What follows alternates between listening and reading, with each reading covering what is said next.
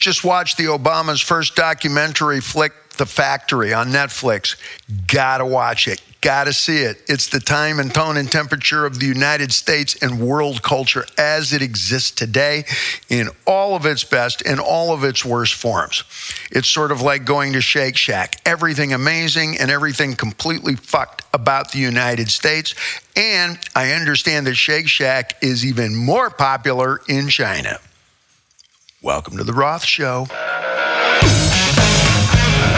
Roth Show, brought to you by Ink the Original. Warning, full disclosure, I'm an equal opportunity antagonist. Everybody pisses me off. I hate everything, and I have nothing good to say about anything that I see on TV unless it's a picture of you or a selfie that you sent. You know what I'm saying. I'm just old enough to say it, and you're not.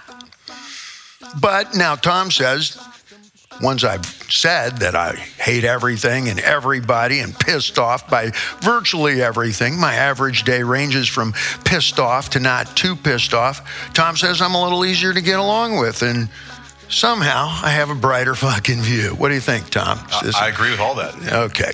So this is with the salty sense of humor or the complete lack of sense of humor. The name of my company is Laugh to Win. Has nothing to do with birthday cakes or Okay. We're going to work critically. We want to keep the bar high. And frankly, I identify with both sides and the middle in this documentary. Big shout out to the Obamas. Woo! Talk about unflinching critique. Everybody gets a blue ribbon. Everybody, ah, I only know how to say that in Hebrew. Let's start with the card carrying member of the American working class that my dad, my uncles, I got my first job when I was 12 years old. I told them I was 13 so that I could get a social security card. And I started shoveling shit with a whole lot of people who didn't speak English at all. Although I didn't see a whole lot of Chinese wearing cowboy hats, there were certain similarities, and I'm going to come around to mento to all of that a little bit later. Hint, hint. Factory is a documentary about what happened to the General Motors factory in Dayton, Ohio. Dayton is one of the very first shows I ever played opening for Journey. In the middle of the winter, some sort of an arena there. Dayton, Ohio. It's the epicenter of the United States. Whatever's happening there is kind of the way of things in most places. And the Chevy S10 pickup, mm-hmm, which uh, carted around a whole lot of Van Halen gear early on in the day, grew up, and then they closed the plant. That's the way of things. Swing band and doo wop went out of style too, and they closed the plant. Everybody went and want a lot of people went out of jobs. A lot of folks who legitimately wear this kind of kind of work and apparel. Me, I'm an artist in residence, a constructionist, a behind-the-scenes storyteller, a reader of lyrics, and even this. This is some kind of, I don't know, maybe it's bizarre not ballroom, but perhaps ballroom, perhaps some bizarre ballroom, finer drinking establishment philosophy designed to just look like funny stories, or maybe it's just funny stories designed to look like philosophy. That in itself is Chinese, and I've had some Asian experience, as you have known. The Chinese move in and they take over the factory Daiwa, I think is what it is. It's the glass factory who's making windshields for all manner of automobiles around the world. So it's a gazillion billion dollar sort of an industry. And they rehire everybody who got kind of dumped off quick when General Motors closed. This is 2008, something like this, that the uh, factory closes and f- some folks go for years without actually working. And they look just like everybody and all of us in the Van Halen audience, all of us in the Van Halen families, all of us behind the scenes that I grew up with at Muir Pasadena High School, Blair Arcadia High School. It looks like when all of the workers and all the guys and the gals get together in their hard hats and they collect right before shift, they all stand there and it looks like a class picture from my personal graduating class. Okay, there's Greg Emerson, there's Orlando Chavez, there's Debbie Sierra. Of course, these are names from my past, but you might as well just switch the nameplates and you have exactly the folks I grew up with. And if I didn't grow up with them, well, we all wound up in the same arena together and I was singing to you about us. Which is you, which is me, singing to you about me, which is actually you. And yes, Van Halen fans, whether we have a job or not, are generally quick enough to have understood that one as it went by, not like detonate later on the 405 headed south. They got that one too. The Roth Show. Conversely, we're all working for the weekend. Speaking as card carrying member of the Boomers with Humor, you bet. We're a recreation based society. The idea of working is when you're not working. It's sort of like what I told you about yoga, Tom. What's the best part of doing yoga? When you're done with yoga. Exactly. What's the best part of most jobs? When you're done with work. And Miller time, when it's time to relax. And you can get the entire of the stadium singing along with that, and that's just one beer. Stands clear, beer after beer. When you talk about the Miller beer commercials on the Super Bowl, well, that's two forms of recreation mixed into one. I like to refer to another kind as turbo pop entertainment. That's drink beer and operate anything that goes. Tom, let me hear your best. Oh, fuck yeah. Say it. Oh, fuck yeah. All right, now he's natural by that one. I almost lost my accent, but when I hear his, mine comes right back directly. Mm, ain't that the way of things? Woo! Let me hear you say that, Tom. Woo! All right. Time for breakfast. Now, in a good machine shop, that's the sound of things. That's called team spirit and having yourself a time and getting through the day with some sort of elan. And even though it's French and it's a little embarrassing to pronounce it correctly, you know what I mean. well, go fill the fridge. I'll finish the interview. and even that, okay, that had kind of wabi-sabi frayed at the edge, pork barrel horseshit kind of humor is exactly what I grew up with. No, I don't dance like Fred Astaire. Fred Astaire, that's, what is that? Like a French name. Django Reinhardt. Oh, there's a great movie about Django Reinhardt. Django, it's in French, but it's got subtitles. You can find that on uh, iFlix, whatever. Okay? I'm sure. I'm not sure because as soon as they started going, okay, you have to give us your uh, your height, your weight, your mother's maiden name, uh, her social security. Fuck it. Going back to Netflix, watch the documentary. I and most of my esteemed colleagues can name every single summer that we worked through junior high, high school, and subsequent, whether or not you did go to college. And we believe that if you didn't go to college, you still have every right to have a great world and a great life and a great family and, and, and, and. You don't have to have gone Ivy League, okay?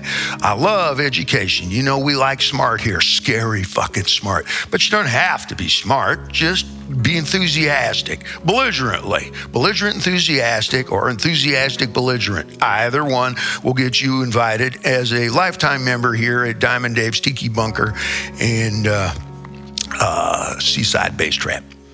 Where the debris meets the sea, meet me, Diamond Dave. Happy hour from 5 till February. Woo! Say it, Tom. Woo! Yeah, it sounded more like a lunchtime whoop, but it'll do. All of this is the sense of humor, the ideation, the tone, the attitude. I can tell you about the summer that Orlando worked the forklift and it was Baker Street the entire summer, like eight times a day the entire summer. Mm-hmm. And you can name every single, because we played music everywhere we go. If you worked in a garage first time, I heard real music going was in a garage in New Castle, Indiana, out of some tiny little Motorola thing that's up there is playing some kind of country music like Bob Wills Swing Day. And the guy's wiping his hand and going, well, it's going to have to stay with us for a couple of days, but prognosis is good. I had no idea what a prognosis was, but I knew it spelled goodness. I was raised, as so many of the baby boomer generation, to completely believe, inculcate, indoctrinate ourselves, and completely anoint ourselves with the idea that we are wholly unique. As Sarah Silverman says, we are miracles, that every single one of us is like a snowflake, somewhat similar, but completely completely unique in every other component and sense. Every possible factor about me and about you. Yeah, you. Picasso, baby. Picasso, baby. Yeah. There is nobody like you. Nobody ever since you, nobody during you, and nobody after you. A-Y. I'm Diamond Dave, and there's nobody after you. This is what we were taught to believe. I myself got my job because I totally believed in the punchline. I didn't know it was a punchline. I perceived it as funny, but hey, everybody was having a good time, so nobody ever raised any questions about the accuracy. How many lead singers in a rock band, quote, rock stars, does it take to put in a light bulb? And the answer is one. We put it up in the ceiling and we wait for the world to revolve around us.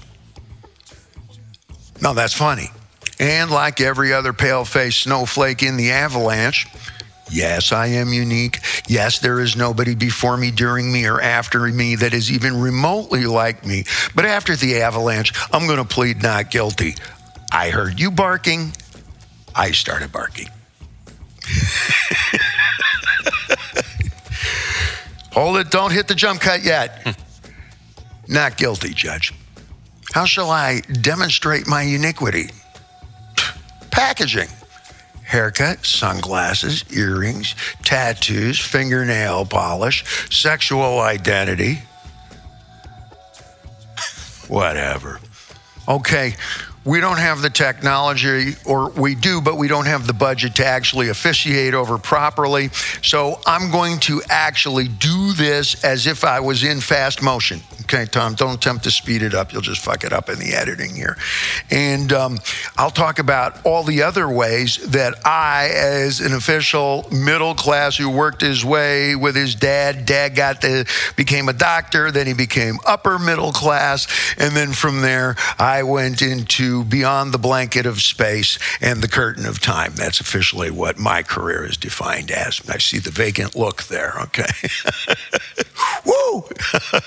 At least by happy hour, that's how it feels. Okay, so with that in mind, I'm going to rush through how I, consequently, we express ourselves. And this is in the factory. You see all of my old classmates from high school and uh, Pasadena City College, and then the audience of all the clubs and the bars that Van Halen played, which were all local bicycle distance from here.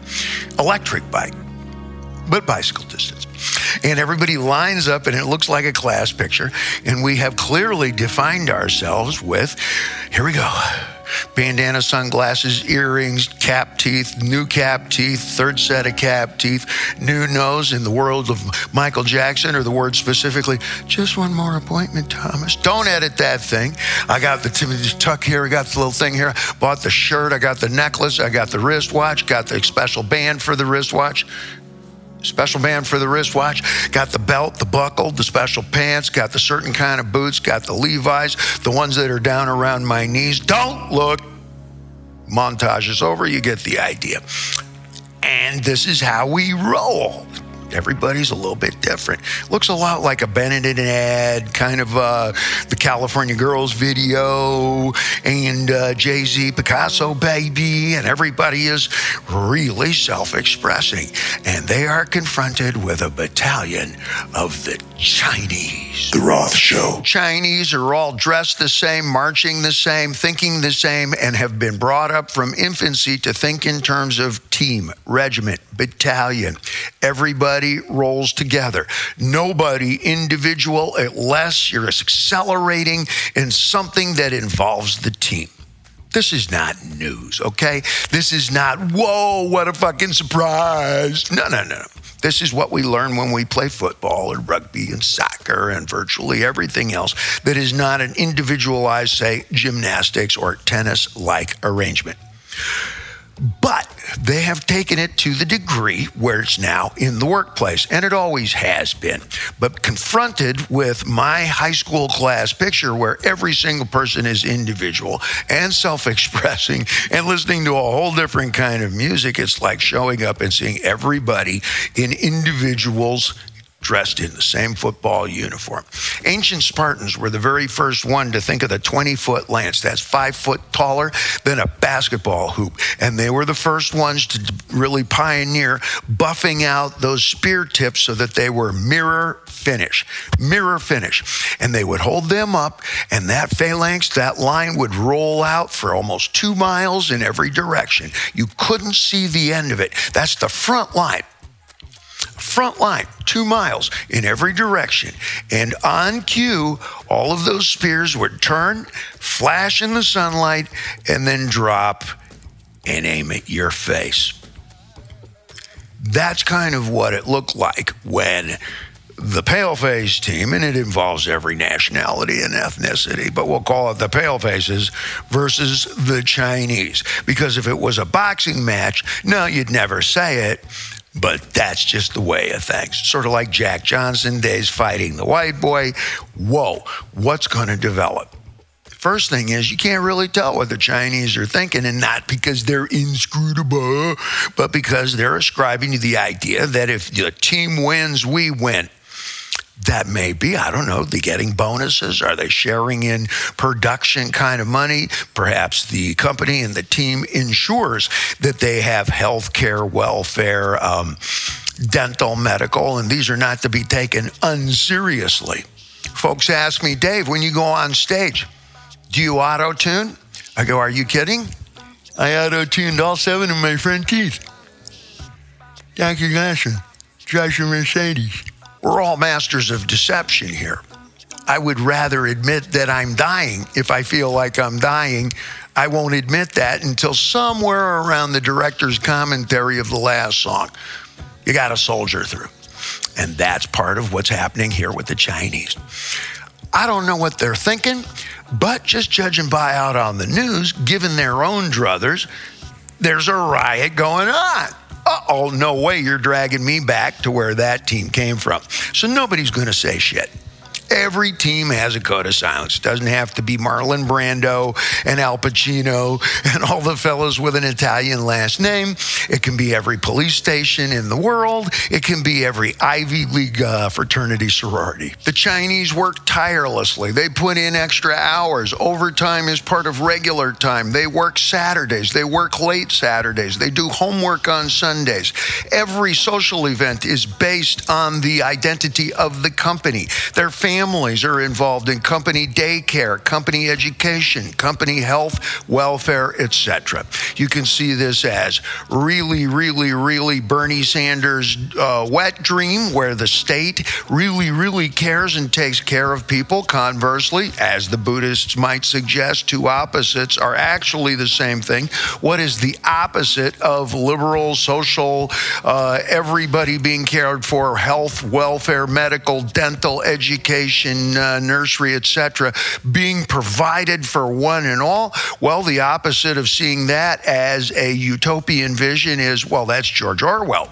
Okay, that's Big Brother and there would be no escaping from it. And the Chinese, just like any other club in the United States, ain't going to say shit about what they really feel. Not individually. You'd be fucking crazy to say what you really feel about anything in the world today. Any politician will tell you that. Even Tom will tell you that. Exactly. He's lying. Or maybe not. The Chinese boss much to his credit or discredit, attempts to re indoctrinate and teach Americans this is how the Chinese do it, this is how we do it, do it, and you got to roll with us. And he starts at $15 an hour.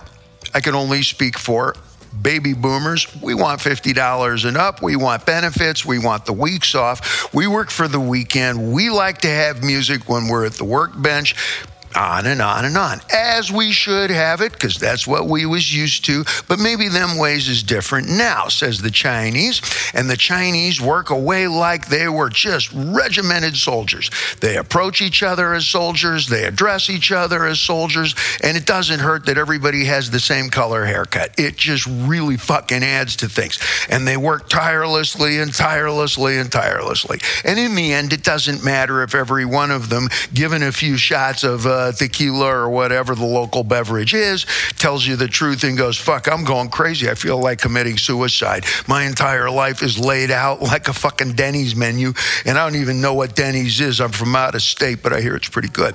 And you're going to go, your life is like a fucking menu, but more like a Taco Bell. Pretty fucking simple. And you're going to get tired of same place, same thing real, real quick. And I'm not even sure if that is the Taco Bell commercial. And he says, but it still sounds pretty good. Is that like where the Mexican stuff? And that brings us up to what is no fucking punchline, but the answer to all of this. Roth, The Roth Show, brought to you by Ink., the original.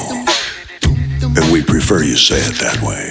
Ink., the original. That one was even a little better.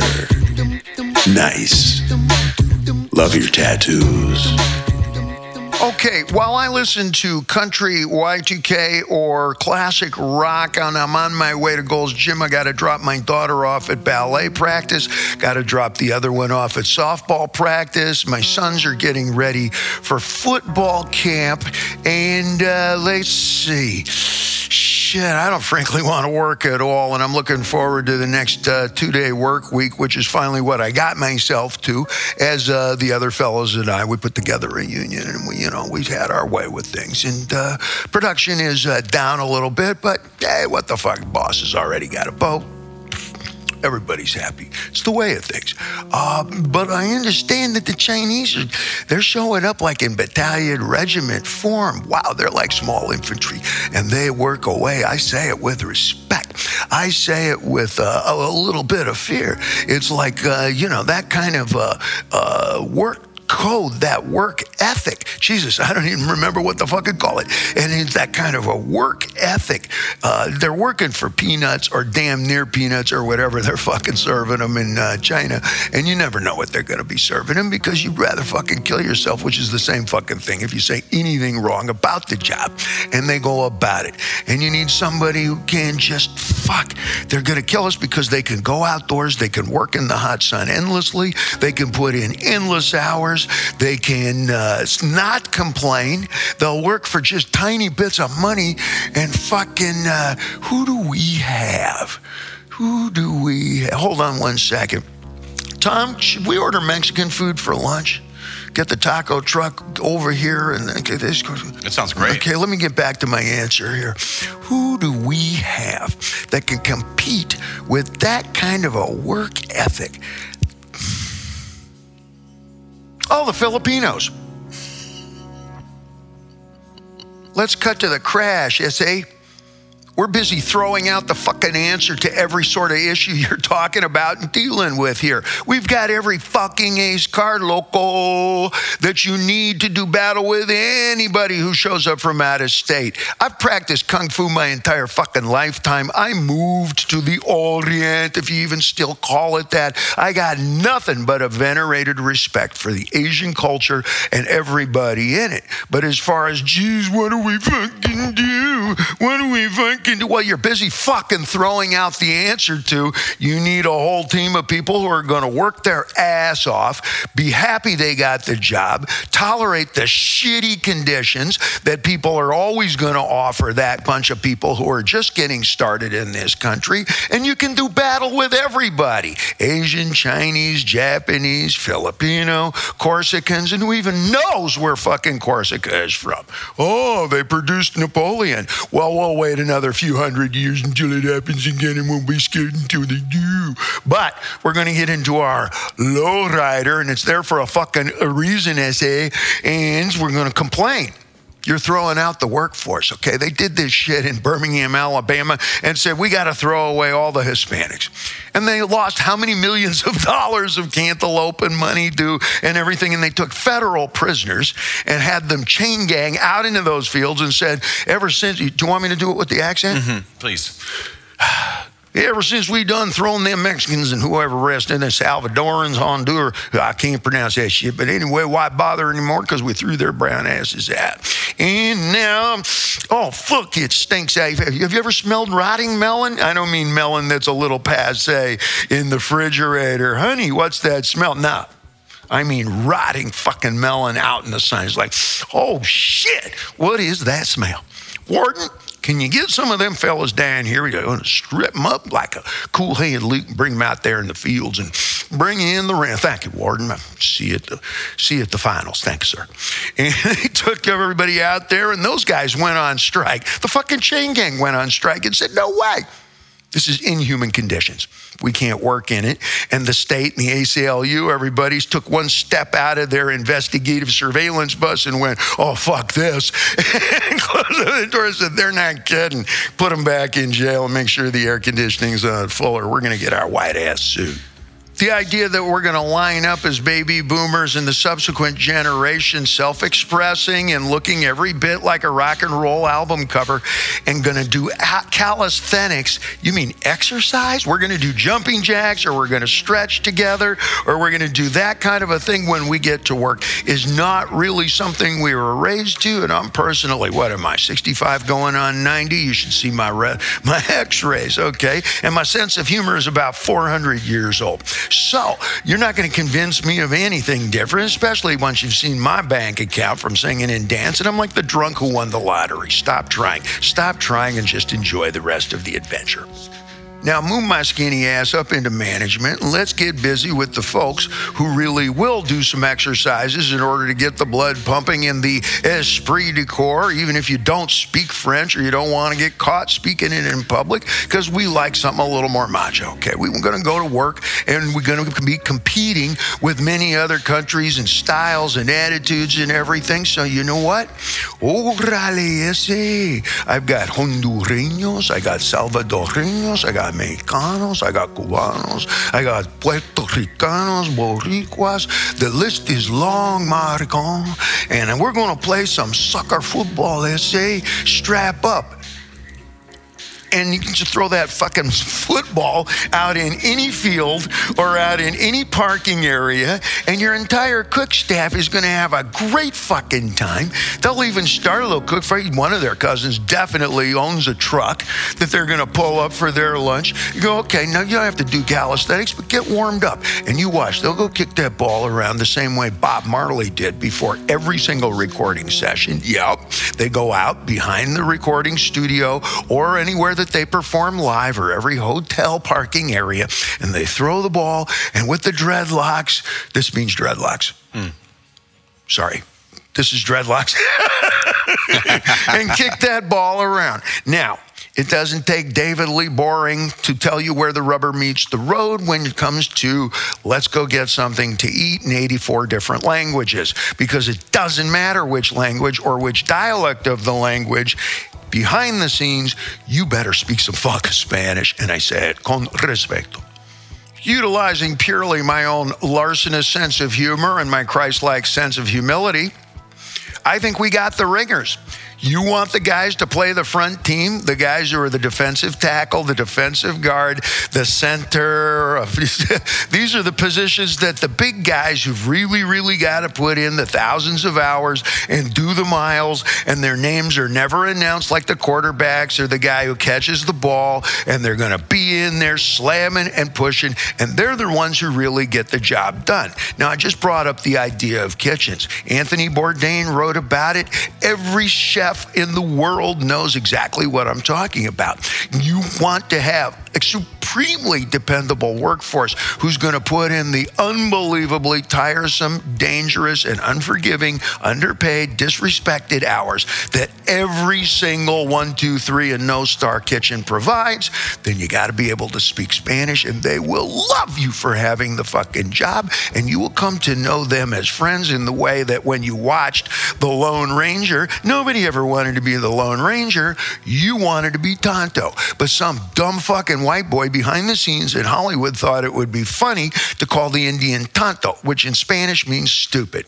On behalf of tontos everywhere, fuck you. Let's stay focused. Every time we bring in ringers, we bullshit around, we play with the edges, and we only focus on the public relations aspect of it. When Jackie Robinson, the first African American baseball player, walked out onto that field right around 1950, everybody celebrated a great breakthrough, an amazing zenith of achievement. What a man, what a, an amazing career. And we really patted ourselves on the back, all of us Lone Rangers, and said, We done real good. The story you never really hear about is that Jackie had to work three nights a week at the Sunset Television and Appliance Store in Rego Park, Queens for a shitty little paycheck.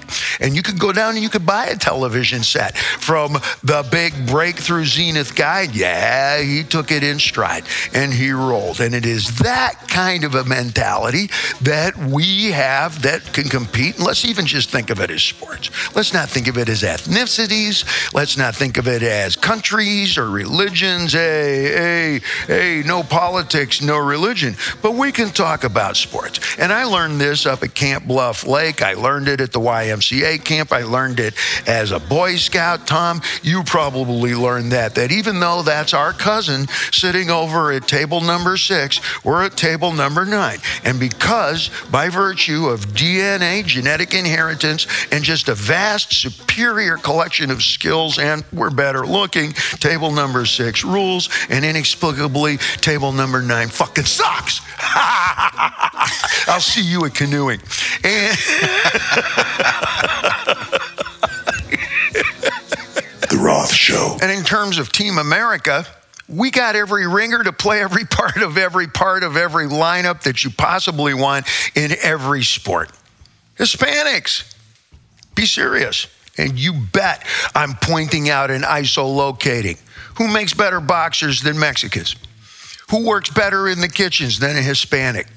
Who was sexier than Chita Rivera? Ah, baby boomers, don't touch that fucking dial. Things are much better in America. And you know what? I had no idea what nacionalidad she was, but I knew that she was telling the truth. And I'd never been out of my parents' home.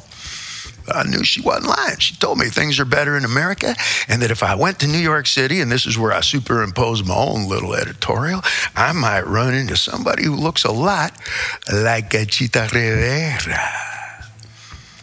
God willing, I might even wind up with some sideburns and a haircut like the boys in West Side Story, who arguably had better moves, had better shoes, had better songs, and they weren't even played by Puerto Ricans. I think it was Tony Franciosa close, it's Latin. But Dave, the Asians, they have a very special diet. They eat different things like super. Don't knock that bullshit off. I moved to Tokyo, okay? I didn't know a single person there. I didn't know a syllable of Japanese. I took my dog Russ, I took a guitar, and I took a usual attitude, okay? How do I get along? First, I'm autistic. Second, I'm high function autistic. And third, you sell 10 million records, and outside of your blood family, you're never going to have a common conversation with another real person again, all they're going to see is 10 million record sales. Same as if I see Sir Paul McCartney or Mick Jagger. I don't see a real person there. I see da da da da da da da. Don't you love the Beatles? I do. I tricked you. and that's kind of a Chinese thing to do, but I did intentionally. Asians are every good as propagandists as New Yorkers, LAers, and everybody else. Tireless self promotion is the American way, but I think we may have learned it from Asian culture, like a lot of other best things in our world and culture today. And I say that with respect. I thought I was going to move to Tokyo and everybody was going to be eating really, really healthy. Everything was going to be sushi bar, sushi bar, sushi bar.